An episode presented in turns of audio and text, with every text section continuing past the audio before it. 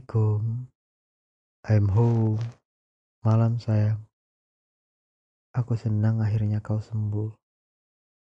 Ya, walaupun kita belum bisa bertemu, walaupun aku masih harus menunggu tes terakhirmu, namun aku senang. Hei, malam ini aku ingin membuat sebuah pengakuan. Aku merasa sedikit kesal, tapi bukan kepadamu. Aku kesal pada diriku sendiri. Bagaimana bisa aku tidak bisa menahan diri, bersabar sedikit saja, sedikit lagi, menahan keinginanku sedikit saja. Oh hei diriku, kau hanya perlu menahan diri beberapa hari saja lagi.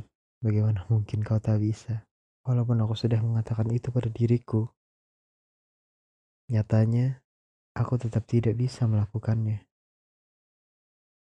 Kau tahu berapa lama aku siapkan ini semua? Cukup lama aku rasa.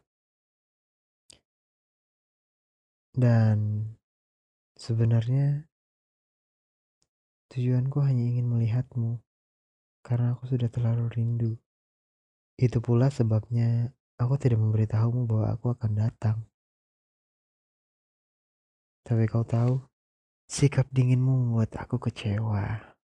Setidaknya harusnya kau berikan aku sebuah senyuman hangat. Kau tahu, aku menyiapkan hadiah itu cukup lama untukmu. Berpikir bahwa kau suka atau tidak, warnanya cocok atau tidak, muat di badanmu atau tidak. Mungkin ini memang salahku, tapi ya inilah pengakuanku bahwa aku juga sangat kesal. Maaf.